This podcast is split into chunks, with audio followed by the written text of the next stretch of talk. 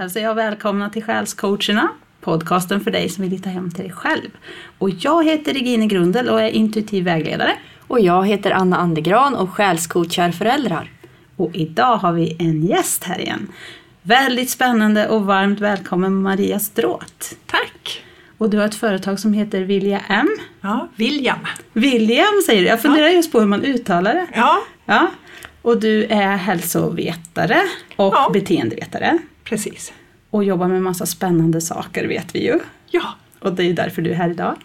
så det ska bli så roligt att dela det med er. Men kan du börja med att berätta lite vart du kommer ifrån, din bakgrund och hur du hamnade i ditt egna företag? Ja, jag har alltid varit intresserad av hälsa. Eh, och det kommer sig av att min mamma var väldigt sjuk när jag var liten. Och jag fick se hur hon prövade olika saker med, eh, det var på 70-talet, att hon fastade och hon åt bara grönsaker, hon tog bort socker och mediterade och såna här saker som... Så att för mig har det varit väldigt naturligt i mitt liv att man tänker på vad kan man göra för att lösa saker och ting och pröva olika infallsvinklar. Mm, just det. Så att det, den händelsen eller de åren påverkade mig väldigt mycket till att fokusera på hälsa och vara nyfiken och se hur saker och ting hänger ihop.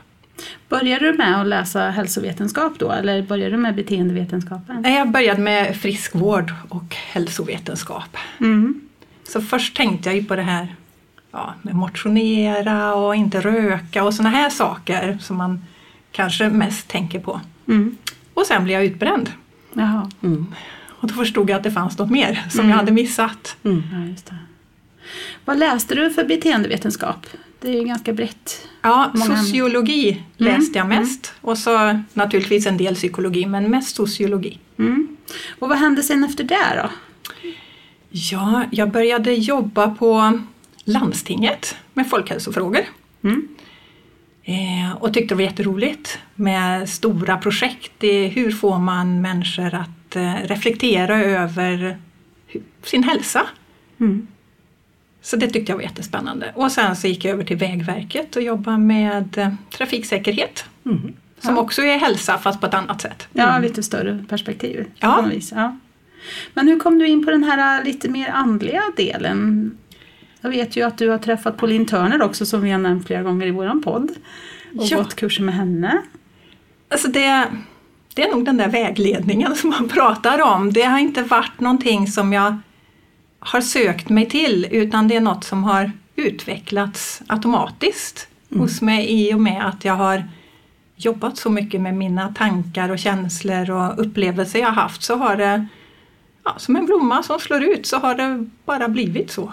Lite synkronicitet också. Ja, Dyker upp rätt saker i rätt ögonblick. Ja, som Pauline som jag träffade sådär, jag gick bara förbi ett skyltfönster och så stod det någonting om vägledning. Så, ja, jag hade aldrig varit på det. Och jag bara gick in där och då hade hon tid med en gång. Jaha. Så jag bara satte mig ner, jag visste inte vem hon var eller någonting, och inget jag hade planerat utan jag går mycket så på att det, att det känns, det som känns att det drar liksom så här, att det jag. Det är lust- lustigt just med Pauline för jag tror nästan alla jag har träffat som har träffat henne de har halkat in till henne på ett bananskal. Alltså Ja. det har bara sagt, ja men det kan jag testa. Ja. Eller Mm. hon bara dyker upp någonstans. sådär. Ja. Och sen så får man komma vidare. Och det här med sjunde sinnet och magkänslan det fick ju jag hjälp från Pauline från början att hitta. Men, men hur, hur hittar du dit? För jag vet att du jobbar ju också med det. Den innersta, innersta kärnan. Ja, alltså det är nog en bra fråga. Det är ingen som har frågat den förut. Ja, vad bra, jag känner mig lite smart. Alltså det handlar om det här med att få vägledning ifrån andra och jag kände att den vägledning jag fick inte var riktigt anpassad till där jag var och vem jag är. Nej. Utan jag börjar ju känna att det andra vägleder mig i handlar mer kanske om vad de är och vad de förstår. Mm. Så då började jag lyssna mer inåt mig själv. Jag förstod att det fanns någonting i det de sa. Eh, och jag började lyssna mer inom mig och se hur klingar det an inom mig. Mm. Och sen började jag ställa sådana enkla, börja lära mig liksom ja och nej-svar från kroppen. Mm. Så det har jag använt mig av jättemycket i alla möjliga frågor för att veta eh, vart ska jag fortsätta att fråga vidare och hur ska jag tolka det här som jag upplever i min vardag. Mm. Hur gör du det då, när du frågar kroppen? Det tror jag lyssnarna är lite nyfikna på. Ja, alltså det finns jättemånga sätt. Alltså jag tror man, det är bra att hitta sitt eget sätt. Man kan testa olika. Eh, för mig så använder jag med att kroppen lutar åt ett visst håll. Mm. Så jag har eh, att luta kroppen åt höger så är det nej. Och luta kroppen åt vänster så är det ja. Jaha, häftigt. Det är som en pendel nästan. Ja, Mm. för jag funkade inte ihop med pendel från början. Inte Nej. överhuvudtaget. Jag fick inga svar. Nej. Och då var det lättare att känna kroppen. Ja, just det. Och sen har jag utvecklat så, så att, att jag, nu funkar det ju bra med pendel också och pekare och så här. Fast kroppen har man ju alltid med sig. Precis! Står man i affären och undrar om man ska köpa den sortens äpple eller den sortens äpple så räcker det ju då med kroppen som visar vad Ja. den vill ha. Så behöver man inte stå med en pendel eller verka konstig utan Nej, men det är ju jättebra för då, pendeln är ju mer som ett hjälpmedel eh, egentligen. Eh, tills man kan känna det tydligt i sig själv tänker jag. Och Det hade ju du redan från början då. ja, Ja, och det är också jättespännande att du säger att du har ja åt ena hållet och nej åt andra hållet så. För det enda jag har hört när, just när man använder kroppen så, det är ju att framåt är ja och bakåt är nej. Mm. Men det är inte för alla alltså. Det är ju jättespännande för så är det ju med pendeln också. Att man kan ha olika rörelser för ja och nej. ja. Ja, Och sen har jag utvecklat det med det här att det är nej åt ena hållet och ja åt andra hållet. Då har jag kunnat se det som en skala däremellan. Hur bra är det här för mig då? ja. Det kan ju Ja, liksom ja, vara just det. 50 procent bra. Allt är ju inte bara svart och vitt, ja och nej. nej. Så då har jag kroppen som lutar lite snett framåt i Ja. olika vinklingar för att tala om hur Precis. bra någonting är. Men vad smart. Ja, Det är så praktiskt! Jag förstår det. Ja. För så är det ju med pendeln för mig också, att en viss rörelse kan vara nu är det någonting med tiden du får kolla lite extra på eller nu har du inte varit tillräckligt tydlig i din fråga för att få ett tydligt svar eller sådär. Kan du känna sådana saker också i Ja, kroppen? ja, det känner jag. För ibland kan jag ju känna att jag får ett väldigt konstigt svar och, och då förstår jag att jag behöver fråga på ett annat sätt Ja. eller jag behöver tänka på ett annat sätt kring det. Ja. När du hittar den här, det här sättet att prata med din magkänsla via kroppen kan man väl säga. Eller jag säger magkänsla men jag menar sjunde sinnet, Mm. vår innersta kärna när jag säger det. Var det då också som du började känna att du ville gå din egen väg med företagandet och så? Det började när jag blev utbränd. Då Okej. kände jag att det fanns inte en chans att jag kunde jobba i ett företag där andra bestämmer vad jag ska göra, hur jag ska göra, hur jag ska tänka. Nej. Det var bara så tydligt från kroppen, det bara vägra sånt. Mm. Och då blev det, det blev tvunget nästan Ja. att du skulle gå din egen Jag kände verkligen att jag var tvingad för det var inget beslut som var lätt Nej. att ta utan jag kände mig så tvingad av kroppen att bestämma så. Mm.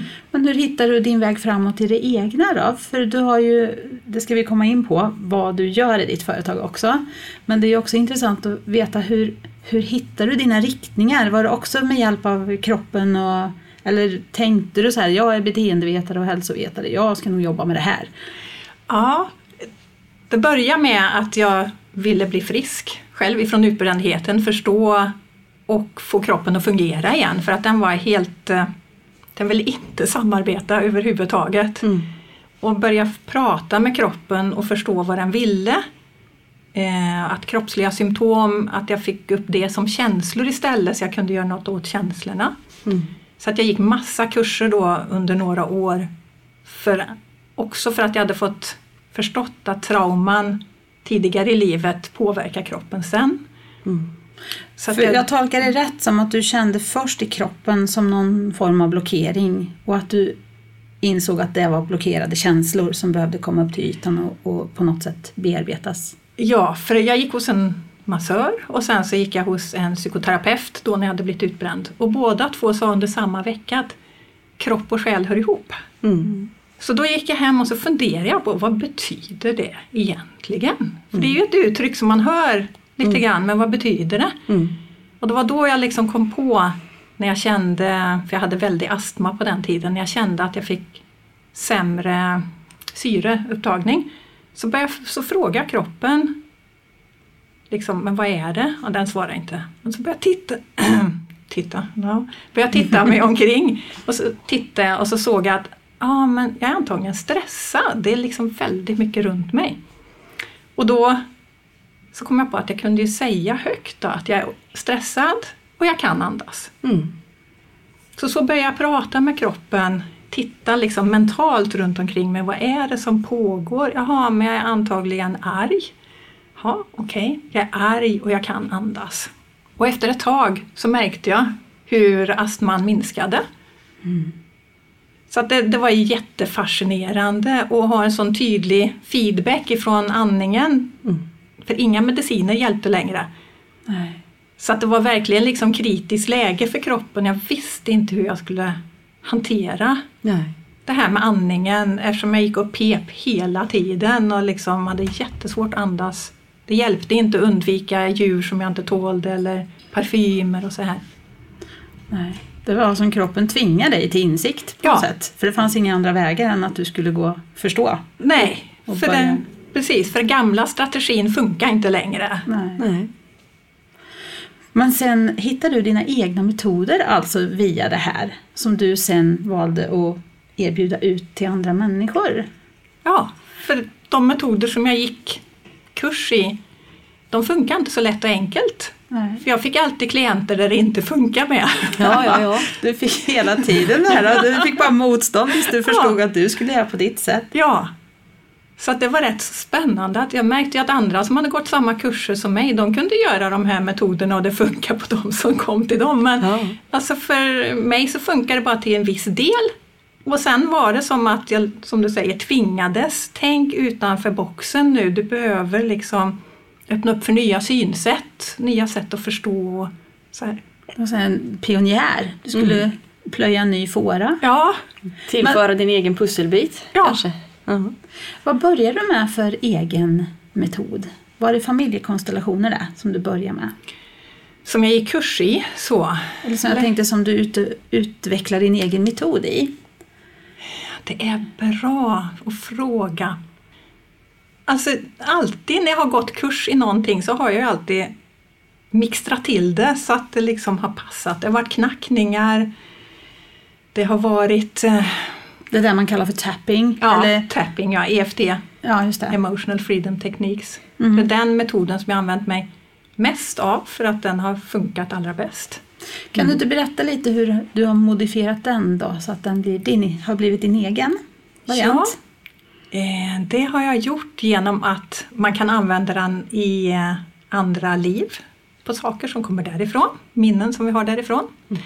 Och också andra generationer. För det vet vi att minnen vandrar i släktleden.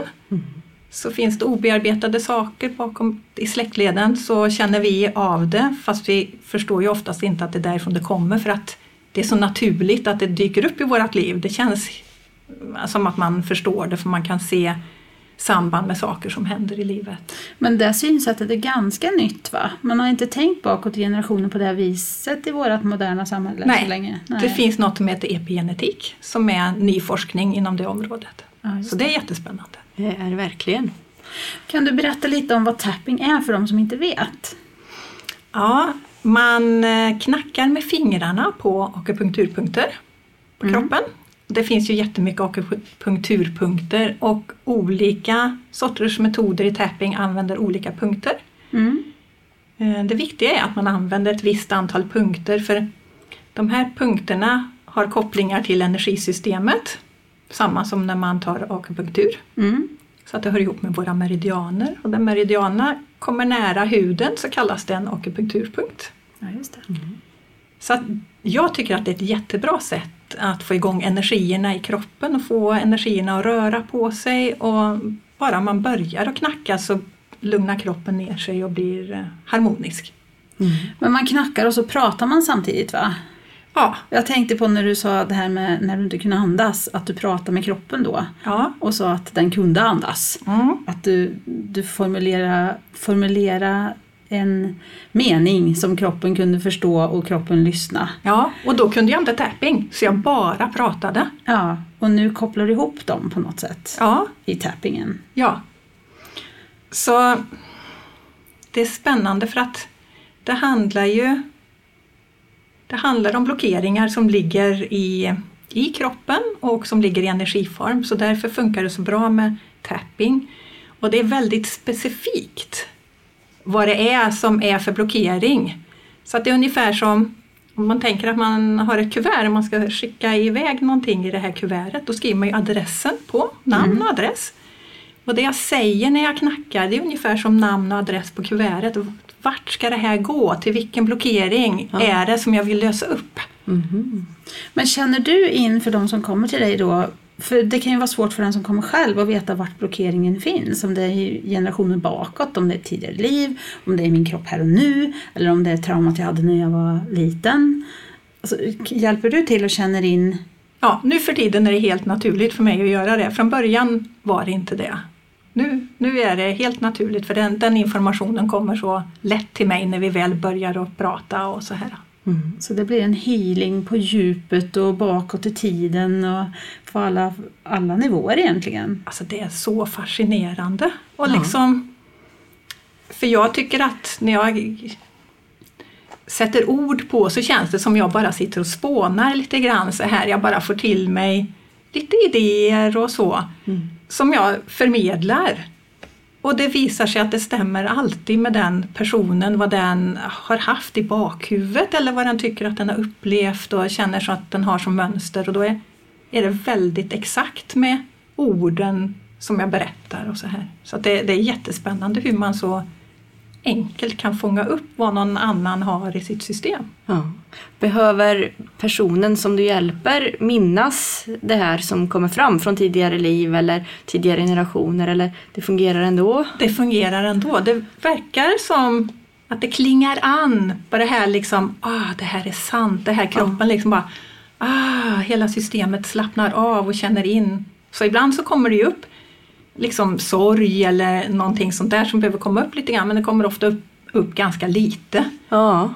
Men det är som att orden som jag säger hjälper den personens kropp och system att ah, just det, så här var det. Mm.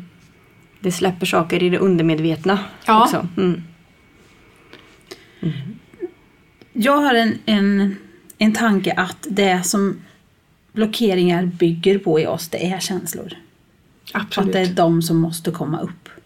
Och det låter ju som att det är just de som du hittar ett sätt att trycka på så att de löser upp sig på något sätt. Ja, Och då behöver inte den medvetna eller hjärnan egentligen vara så behöver inte vara med. nej. nej. Det händer ändå, låter det som. Ja, Mm. och jag berättar ju tankar också för tankar och känslor hänger så väl ihop. De är liksom inflätade med varann. Så tankar är nyanser av känslan. Så, så Vänta, det- nu måste jag få hänga med här. Alltså, har alla tankor en känsla... Tankor? nu blir jag så ivrig så jag inte kan prata. Har alla tankar en känsla kopplade till sig, tror du? I stort sett så är det så. Eh, och jag tänker i den här världen som vi lever i just nu så är det så. Mm. Eh, är vi mer intonade på vår essens eh, så finns det tankar och ord där utan känslor. Rena tankar. Ja, rena tankar. Och du pratar om den här världen vi lever i nu. Tänker du på just tiderna nu med corona och allt eller tänker du på vårt moderna samhälle?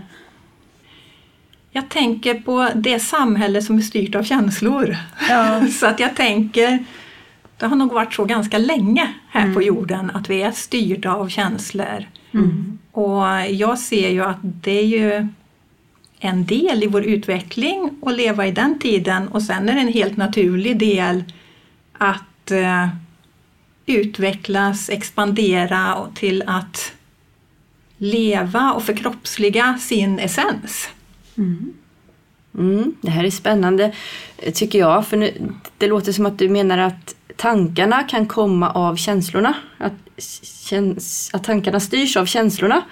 Eh, för jag tänker mig också att det är tvärtom, i viss mån i alla fall. Att eh, tankar som vi ibland får utifrån, vi blir programmerade med vissa tankar, styr känslorna. Eh, hur ser du på det? Alltså jag ser att de hänger ihop. De, De är, ihop, ja, ja. Det, är, det är som ett mynt som har två sidor så Ja. att de, de hör ihop på något sätt. Det är väldigt sällan som vi har en känsla utan tankar Ja, och det är väldigt sällan som vi har tankar utan känslor. ja. Jo men det är sant.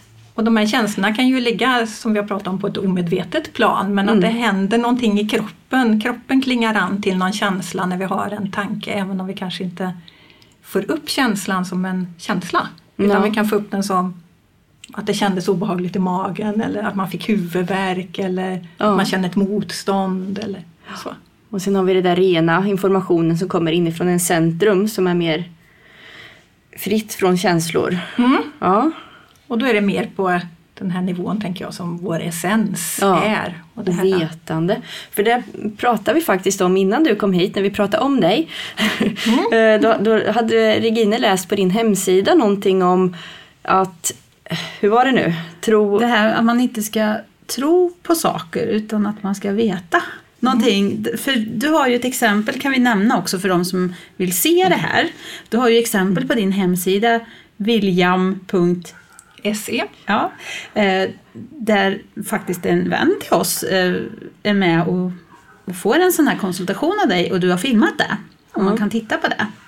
Och i samband med det så stod det en, en text om det här med att tro och att veta. Ja. Och det var en väldigt intressant. Att tron kan vara i vägen för vetandet. Var det inte så? Ja, Ja. Att det är som en programmering också, att vi ska tro massa saker, vi ska tro på. Mm. Och det är en annan frekvens än att veta. Mm. Så det, målet med det du gör, låt, tolkar jag nu då, för att se om jag har fel. Det är som att man ska få bort alla de här grejerna som är i vägen. Blockeringar och, och känslor som inte är relevanta och så här, för att man ska hitta till just det där vetandet. Precis, för att det är det vi är. Det är en del av vår essens, är ju det här vetandet. När vi bara, vi bara vet massa saker. Mm. Ja. Och att din väg dit blir en konsekvens av det blev att du ville hjälpa andra dit. Och att det är det ditt företag handlar om, Ja, tolkar jag det som. ja, stämmer. Och det här med hälsa och kropp och allt är ju en del av våra, våran essens. För våran kropp hänger ju alltid ihop med våra tankar och känslor och allting också. Ja, verkligen. Så tänker du att om kroppen är hälsosam och eh, ska man säga, ren så kan vi också ha lättare tillgång till vårt vetande. Ja, och jag känner att kroppen är sån... Jag ser nästan som liksom... Den har en sån intelligens och den är så klok för den talar alltid om för oss när det är någon programmering som är på. Eh, som är på. Mm. Eh, så att den talar ju om på olika sätt att ah, men nu tänker jag en begränsande tanke om mig själv eller nu eh, är jag inte snäll liksom, i mina känslor. Nu marineras jag i känslor som inte är trevliga. Den är ju så häftig att kunna tala om det för oss och göra oss medvetna om det omedvetna som pågår. Så om vi lyssnar på kroppen då får vi tillgång till blockeringarna och känslorna Ja. och det som är i vägen för oss. Och då är det bra att veta hur man gör för att klera dem och läka dem så att de försvinner. Så att man städar undan, som att detoxa kroppen ifrån tankar och känslor. Mm. Och tapping är ett bra... Du pratade om att du kallar din metod för remember. Ja, Kan du berätta lite om ditt sätt att göra tapping? Ja. Remember handlar om att komma ihåg vilka vi är, som det engelska ordet, att komma ihåg, remember. Och sen det är också att återförena och eh, sammanföra olika delar som har blivit eh, som inte har varit välkomna. Det kan vara i, för jag ser det som stort både i vårt eget liv, som tankar och känslor som inte har varit välkomna till exempel under vår uppväxt. Att när vi eh, knackar på dem, som jag kallar tapping då, så blir de välkomna, de får finnas med och då läker vi. Likadant, Acceptans. ja, Det, det leder till acceptans. Ja. Så att acceptans är ingenting i den världen som jag jobbar i som man behöver eh, kämpa för att känna utan det blir en automatisk så sker det i läkningen så känner Mm. man acceptans och förlåtelse och allt Mm. sånt. Mm. Sen med remember och att återförenas, tänka i släktleden. Där Mm. är det ju också känslor och tankar och det är personer som inte har fått vara som de vill och som inte har varit välkomna, som inte har passat in, som man behöver dölja och så här. Mm. Det är samma sak där att eh, synliggöra dem Mm. och i läkningen så, så blir de inkluderade. Och då pratar vi om släktled bakåt som, som vi inte har träffat medvetet. Precis. Men som finns i energin i oss. Ja. Man säger. Ja. Så vi ingår i det energisystemet med vår släkt. Känner Ja. av saker som har funnits där och som ligger obearbetat lika väl som vi känner av saker i vårat liv som är obearbetat så känner vi av i det här större systemet som är vårt släktsystem. Mm. Vi har ganska mycket att jobba med. Låter det som. Ja. Ja, samtidigt som, ja, det är både och hela tiden. Det, det kan verka jättekomplext och stort men samtidigt är det ganska enkelt också. På en del andra sätt. Jag tänker till exempel, vi får ju ofta höra så att vi ska tro på oss själva. På tal om tro och vetande. Mm. Men, men den naturliga, bästa, rätta, eller vad heter det? Det vore egentligen bättre att komma till det här att man vet att man är där man är. Ja. Att, att man kommer ihåg det och att man vet det. ja, Eh, Då behöver man ju inte tro att Nej. man är bra nog eller att man kan saker eller då bara vet man att jag är det jag behöver vara för det jag ska göra. ja. Ja. För, för att tro är ju en ansträngning. Det är ju någonting vi behöver påminna oss om hela Ja, tiden. Och jobba med. Ja, Ja. medan att veta, ja men då är det ju bara självklart. ja. Det är ju skönt. Ja, eller Ja. hur? Befriande. För många människor försöker väldigt Ja. mycket. Ja. De försöker och försöker. Men de når inte fram. Nej, För att det är en ansträngning. Och man hoppas och man tror och man försöker. ja. Men det handlar ju om att bara vara egentligen. ja. Fast jag, kan, jag, jag är absolut inte i det att jag bara är hela tiden heller. För jag har upptäckt många gånger att jag jagar efter saker. Mm. Jag försöker. Jag försöker få mitt eget företag att fungera. Jag försöker att vara centrerad. Jag försöker att vara nyttig. Ni vet. Mm. Mm. Och hela tiden, det är ju samma sak. Ja, Att man, man går över ån efter vatten som man Ja. brukar säga. Mm. När det bara handlar om att, att stanna upp, känna in, acceptera, bearbeta vad man nu behöver göra för att vara här och nu och bara vara. ja. Och då får man inre vägledningen också, vad nästa steg är. Ja. Men att komma till dig och få den här första knuffen så att man börjar, så man slutar eh, hoppas, tro och försöka. Ja. Ja, Det, det måste ju, du måste ju ha sett många historier, många människor som har gjort den här resan, tänker jag. ja, och det är så fascinerande, som ni sa förut, om det behövs mycket eller lite. Alltså det är så olika för olika människor. För vissa verkar bara behöva lite grann, så helt plötsligt lämnar saker och ting på plats. Att de Mm. bara känner att ja, men nu är det flyt, nu funkar det. Medan andra har en längtan inombords efter någonting mer. Och då det här också att se att det är möjligt att, att komma i kontakt med sig själva. För alla är ju inte, har ju inte den erfarenheten att de vet hur känns jag? Deras egen Nej. essens. Mm. Så bara det kan ju vara en jättestor grej att liksom uppleva det här lugnet, tystnaden, att det inte finns några tankar. Att det inte är några känslor som är aktiverade utan det här varandet. Mm. Tror du att människor kan vara rädda för att vara i varandet? Ja, många tror jag det. För att de, vissa är också rädda för i det här varandet så kan det komma upp saker till ytan som Precis. har legat där och skvalpat som egentligen bara eh, liksom vill vinka och säga att hallå kan du läka det här? Mm. För många människor är så duktiga på att aktivera sig, ha saker och ting på gång och så här. Och, Mm. Distrahera sig. ja, Mm. Men är vi ju inte också på olika resor så att det kanske inte ligger i allas väg i det här livet att, att lösa upp massa sånt där och, och så eller? Så, så tänker jag också. Ja. Att det, vissa av oss Alltså vi får vara i alla andra liv, vi får vara i familjesystemen, vi får vara i det här livet, vi får liksom hålla Mm. på och läka saker lite här och där. Att, och så kan jag se så, att det är så i mitt liv. Ja. Alltså mina syskon ju, har ju inte det här intresset eller behovet som jag har. Nej. Jag vet många också som inte är det. Ja, så att jag tror att vi har, det är vissa av oss, alltså om jag bara känner vad jag, vad jag tror om det så tänker jag att, att vi som, om man kallar oss ljusarbetare eller vad man kan kalla oss, vi har blivit utplacerade lite här och där. Ja. Inte i samma familj, utan lite Nej. här och där just för att det är ett sånt bra sätt för att då kan vi rensa i de systemen. Mm. Så det är så jag har känt att när man, det, det låter som och känns som en logisk förklaring att det vore väldigt skönt om vi var i samma familj och samma släkt. Mm. Ja, för oss skulle det vara lättare. Ja. Eller hur? Men det var inte det utan vi är här för att, för att göra den här detoxen i de olika systemen och då är det bra att vi finns på olika ställen så att eh, så många system som möjligt får den här eh, harmonin i sig. ja.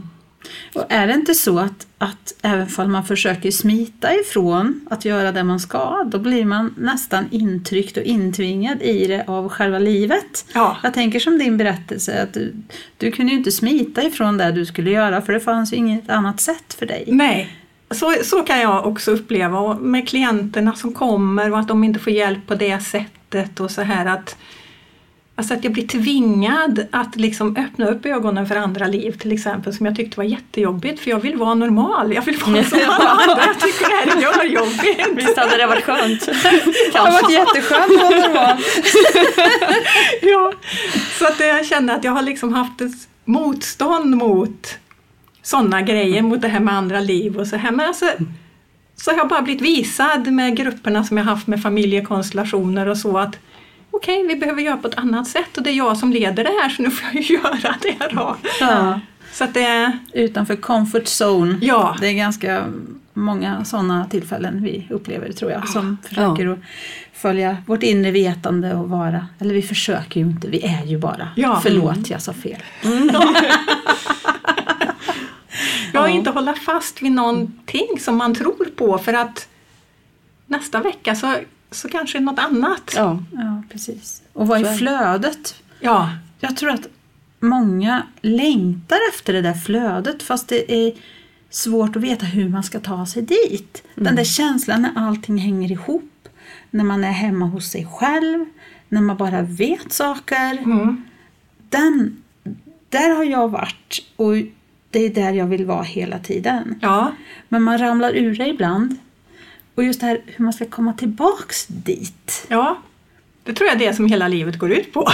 Ja, och jag tror att vår Ja. längtan ofta är just det. Att Ja. vi längtar hem till oss själva Ja, på Ja. något sätt. Fast vi förstår inte alltid det. nej. Mm. Men hur gör du när du känner att du hamnar lite snett och, och behöver hämta hem dig igen? Hitta tillbaks till dig själv? Ja, det var så som det här Remember, den, det sättet utvecklades. För jag hade jobbat länge med familjekonstellationer och så tänkte jag men alltså nu jobbar jag ju med andra personer som får hjälp. Jag behöver också få hjälp att läka saker och, och behöva åka till Stockholm för att gå till andra eller Göteborg eller något sånt där. Och behöva ha en hel grupp med människor, det var, det var så opraktiskt. Så då började jag fundera på, men kan man göra detta med, tillsammans med tapping egentligen? Det vore ju väldigt praktiskt om man inte behöver några andra människor utan det räcker med mig. Mm. Så då började jag leka med det och känna in. Jag hade märkt i familjekonstellationer att jag kunde känna in också med de här ja och nej-frågorna vem det är i den andra personens familjesystem som, där det, vem som är grundorsaken, vart de här frusna känslorna uppstod.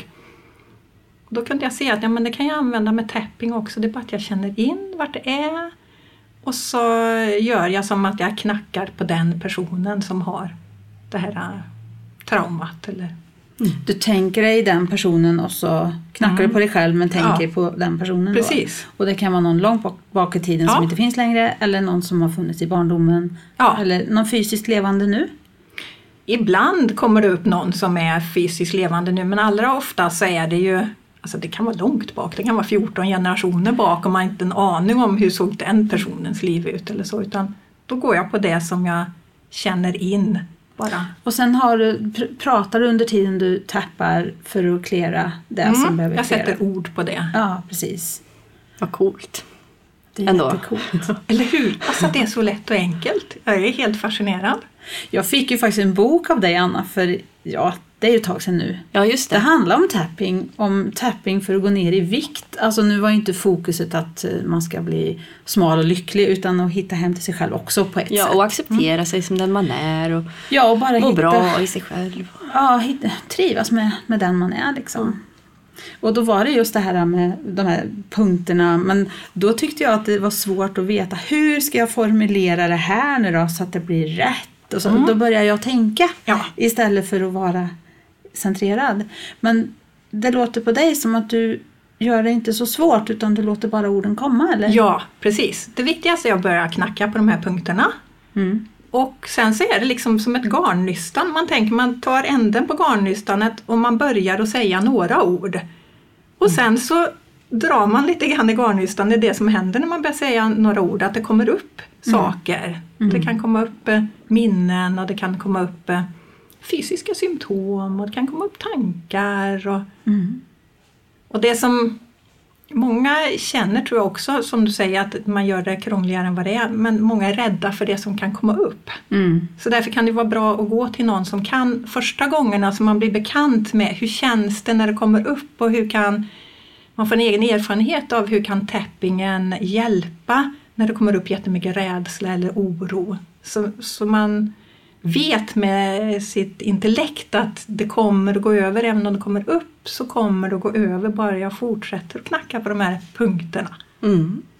Och en fördel med att gå till någon annan det är ju också att du kan ju känna in utan rädslor och, Ja. och påverkan, liksom subjektiv påverkan vad den andra smiter ifrån kanske. Ja. För man vill ju inte alltid se blockeringarna. Man kanske ser den på, i armen men inte den i magen. Liksom. Ja. och så, då kan ju du se mer tydligt vad den Ja. personen behöver jobba med. För det är ofta så att, eh, att jag får till mig ord och så här när jag använder tapping på någon annan. Och när jag säger dem så Alltså det är så förlösande för den för att det är som att bli sedd samtidigt i det här som man aldrig har blivit sedd i förut. Att någon helt plötsligt förstår vad personen har varit med om, hur det har känts. Så att det blir en läkning på det sättet också som är väldigt fascinerande. Mm. Är det så att personen knackar på sig själv medan du pratar eller knackar du på personen och den bara... Ja, oftast är det att personen knackar på sig själv Ja. nu för tiden för nu jobbar jag ju mycket över nätet också så då är det ju Ja. väldigt praktiskt om Ja, de det är det ju då. kan knacka själva. Så att jag knackar samtidigt och liksom visar punkterna så att jag är som en spegel så att personen Ja. behöver bara titta på mig och så här, eller om den blundar så säger jag vart man flyttar. Mm. Jag rekommenderar verkligen att folk tittar på, på videon som du och, och våran vän Jenny gjorde. Ja, För att den är jätteintressant. Och då ser man ju hur det går till. ja. Och att det kommer upp en del och att det lugnar ner sig och så här. Men vi, vi har pratat en del om familjekonstellationer men jag känner inte riktigt att jag har en bild av hur du egentligen jobbar med det som du kallar för familjekonstellationer. Mm. Det som jag kallar för remember. Det är, är det samma sak, tapping och... och Tapping är ett sätt. Alltså jag blandar ju allt. ja. ja så, men det, det, är som man lagar mat eller bakar. Ja. så, man, Ja, man blandar. ja, just det. Så jag blandar det jag känner funkar bra. Vad är det som behövs? Mm. Så familjekonstellationer är ett ord för det här att vi kan ha minnen ifrån eller påverkas av tidigare generationer och, och Precis. det som har hänt. Det är ett ord för det. Ja, Ja, det, det är det en ingen- metod också som är hur man gestaltar det och hur man hittar vad det är och vad det är Ja, för det. känslor och så här. Ja, så det, är- det är ett sätt att synliggöra. Mm. Medan tappingen är ett sätt att få energierna i kroppen att röra på sig. Mm. Ja, just det. Och det sättet jag jobbar på det är ju att jag blivit inspirerad av familjekonstellationer och ser att det finns så mycket där. Mm. Och vi behöver inte en stor grupp människor och vi behöver inte ta så lång tid att hitta vart det kommer ifrån eller vi behöver inte ägna så mycket tid åt historien för den är inte intressant. Nej. Utan det intressanta är att få tag på känslorna och tankarna som finns där och lösa upp dem och så Mm. kommer man mer i kontakt med sig själv. Det är ju lite intressant för det här avsnittet kommer ju sändas efter avsnittet som vi gjorde om tidigare liv. Precis. Okej! Så allting hänger samman. Ja, och jag kallar det andra liv. För vi vet ju inte Nej, om de var precis. tidigare eller om det är Nej, ett liv som tiden. Det, kommer. det är ju en annan sån intressant fråga. Hur Ja. tiden fungerar egentligen. Det, ja, det är stort livet. Eller hur? Ja. Och, och vi tror att vi förstår det ibland. Ja! och det är den känslan vi söker ganska ofta tror jag. Ja. Ja. Ja, precis. ja, man försöker väl att, jag vet inte, make a sense of it. Vad heter det på svenska? Få det begripligt. Ja, precis. Ja. Ja. Ja, och hitta, alltså vi pratar ju ofta om att hitta meningen i- med livet. Men jag tror att det handlar om att hitta oss själva Absolut. på ett sätt. Och vilken connection, vi, eller nu, det blir så här svängigt. Ja, det var väldigt vad vi var internationella nu. Kontakten med både det stora, onämnbara, kraftfulla där ute Ja. och det stora, onämna, onämnbara, kraftfulla där inne. Ja. Och hur vi kopplar till jorden vi står på. Mm. Men en sak som jag brottas med, som jag undrar om tapping också kan hjälpa en med, det är ju det här, hur ska man hitta, hitta kraften i att förstå vad det är man ska göra här då? Alltså det, där, det är en så spännande fråga tycker jag. För jag kan känna också att eh, när jag går till någon och får reda på lite grann om min framtid då gör det mycket, det gör det mycket svårare för då kommer hjärnan in Mm. och tror att jag måste göra på något speciellt sätt för att det ska ske. Mm. Så jag tänker jag tycker att jag får veta allt eftersom. Och det är för att jag kan inte förstå vad jag är här för att göra. För 20 år sedan kunde inte jag fatta det här som jag gör nu i Remember. Alltså det skulle ju vara hur knäppt som helst och då hade inte vägen blivit som den är nu utan då hade jag säkert krånglat till det väldigt mycket. Ja. Det är så klokt och det är så sant. Alltså att vi ska inte ägna oss så jättemycket om framtiden. Vi ska vara här och nu. Ja, Och följa, följa det som är rätt i nuet. För då Ja. kommer vi till våran framtid. ja. Och det var så jag kände när jag skrev ett kapitel i en bok som jag var med och gav ut. Så det var bara jag satt och scrollade lite grann på Facebook och så bara fick jag se en kompis, hon hade skrivit någonting om en bok som skulle ges ut. Och jag bara kände det här, Ooh, den här känslan, suget, liksom det, här, det, det där går inte att släppa. Nej. Men jag tog inte kontakt med henne utan jag kollade, vem ger ut boken? Så jag tog kontakt med den människan med en gång som jag aldrig hade träffat eller visste vem det var, som bor i USA. Och så började jag mejla lite med henne och så hon tyckte att, men kan vi pratas vid lite grann? Så vi sågs över Skype bara någon timme senare. Och sen så när vi satt där och pratade och hon sa ett datum fram i tiden och jag kände att ja, ja men det är ju lugnt, alltså det är ju ett tag till dess.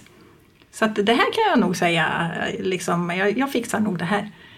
Och hon fick reda på mina idéer så att vi, sa, vi bestämde där bara någon timme senare att jag skulle vara med i den boken. Coolt. Jätteroligt. Mm. Och sen när vi avslutar samtalet så tittar jag på almanackan och så ser jag att jag har inte alls så lång tid på mig som jag trodde. Det är ett helt annat datum idag än vad jag hade. Så jag ser att ja, men alltså, jag har 14 dagar på mig. Oj. Ja. Och jag bara liksom, vad har jag gett mig in på? Jag måste börja nu. Så.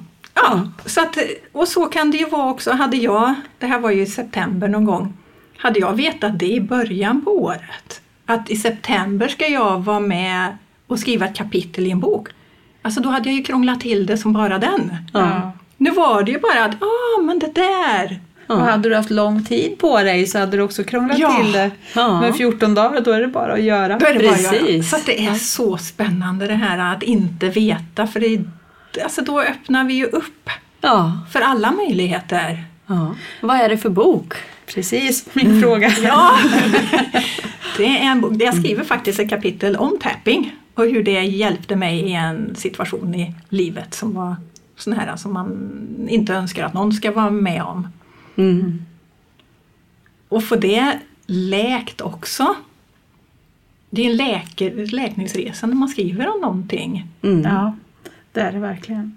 Och det läkte också gamla minnen av i skolan och det här med att skriva uppsats och aldrig få något bra betyg på det. Och så helt plötsligt så fick jag liksom den feedbacken, men du skrev ju rena skräckhistorier. Där man, man verkligen lever sig in i det du skriver och förstår och så här. Så att bara det också se att ja, man får en ny bild av sig själv. Ja. Vad heter boken och vart kan man köpa den? Ja, just nu har jag föll det ur minnet. Ja, jag, jag kanske kan hjälpa till för jag råkar ha den hemma. Jag bara spelar dum och ställer frågor för att få svar här till, till de som lyssnar. Men Your Shift Matters heter den boken. Just det. Ja, jag kan rekommendera den.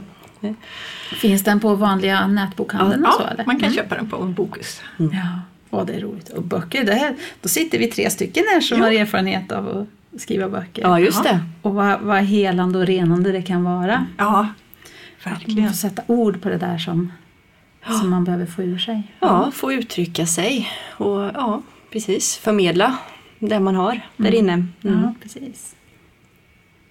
Ja, vad, känner du att vi har missat att prata om någonting? Finns det någonting som bubblar på insidan som bara måste ut? Som du vill förmedla till lyssnarna? Jag tänker också det här med tankar och känslor och minnen. Vi pratar om att det kan finnas i det här livet och i andra generationer och andra liv. Och sen så verkar det som det finns andra ursprung också. Nu får du, nu får du förklara här. Ja, Lite och det vet spännande. jag inte vad det är. Nej.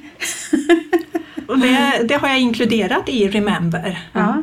Så att det tar även det som vi inte vet om. För att vi, vi vet ju bara om vissa saker. Vår världsbild är ju alltid så, verkar det som, att eh, det är vissa saker som vi vet att så här är det. Och så är vi, är vi ju här för att expandera och utvecklas. Och Ja. Ja, att då kan man bara benämna det som att det finns fler ursprung. Mm. Bortom det jordiska planet till Ja, exempel. Mm. Precis. Mm.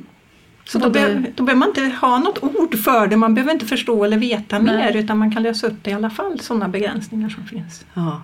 Det är ju Hisnande. verkligen Ändå. att tänka utanför boxen. Ja. Alltså göra livet, vi gör gärna livet begripligt och litet. Ja. För att vi inte kan handskas med det riktigt annars. Men det är ju som vi sa förut, det är ju så mycket mer än vad vi kan greppa. Men det är väl hjärnan som har sina begränsningar i vad, vad den kan förstå och sådär. Ja. Men sen har vi ju det där vetandet också.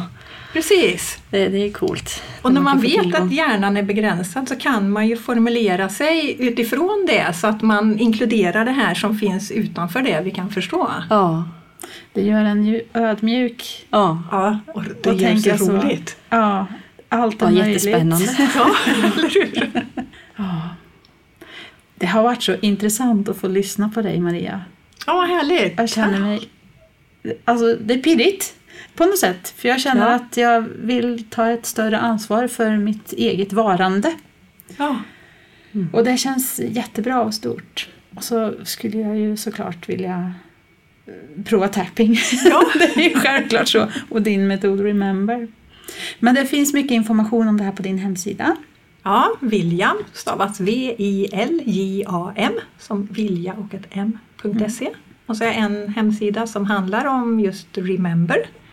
Ja, en till. Ja, så den stavas R-E och så ett bindestreck, member.one.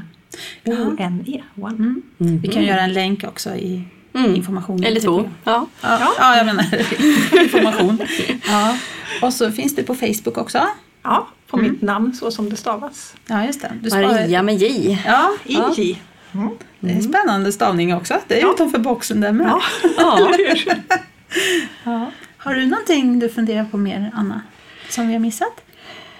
Ehm, ja, i vad jag tänkte på innan här lite grann, det var ju de här alignment-kurserna och det som vi har gjort alla tre också tillsammans med Pauline Turner. Eh, om det, om du, känner- hur känner du att det har påverkat din resa? Det är en bra fråga. Alltså de har kommit så naturligt Ja, in, precis där de skulle vara. ja, Så att det känns som, ja, tillsammans med allt annat så har det verkligen alltså, gjort det lättare att vara mig. Att, eh, att eh, ha den här kontakten med mig. mm. Så. ja. Härligt, ja det är väl ungefär så jag upplever det också. Det är alltid skönt att kunna prata med andra som har gjort det också för att det är inte jättemånga som har gjort just de vägarna. Sen är ju alla på olika vägar mot sig själv, eller inte mot sig själv förhoppningsvis men Hem till sig själv. hem till sig själv, ja Ja. precis. Ja, precis. Mm. Ja, nej, jag känner mig också nöjd. Vi har täckt in mycket tycker jag på, på relativt kort tid. Ja. Jätteintressant. Ja, tack för att jag har fått komma hit och Ja. tack för era frågor. Ger mer smak. Ja, Kanske får bjuda in dig längre fram igen. ja jag kommer. Det är bra. ja, men ska vi, ska vi avsluta där då? Jajamän. Tack så jättemycket. Tack, tack, Tack, tillsammans. tack, Hej då. Hej då!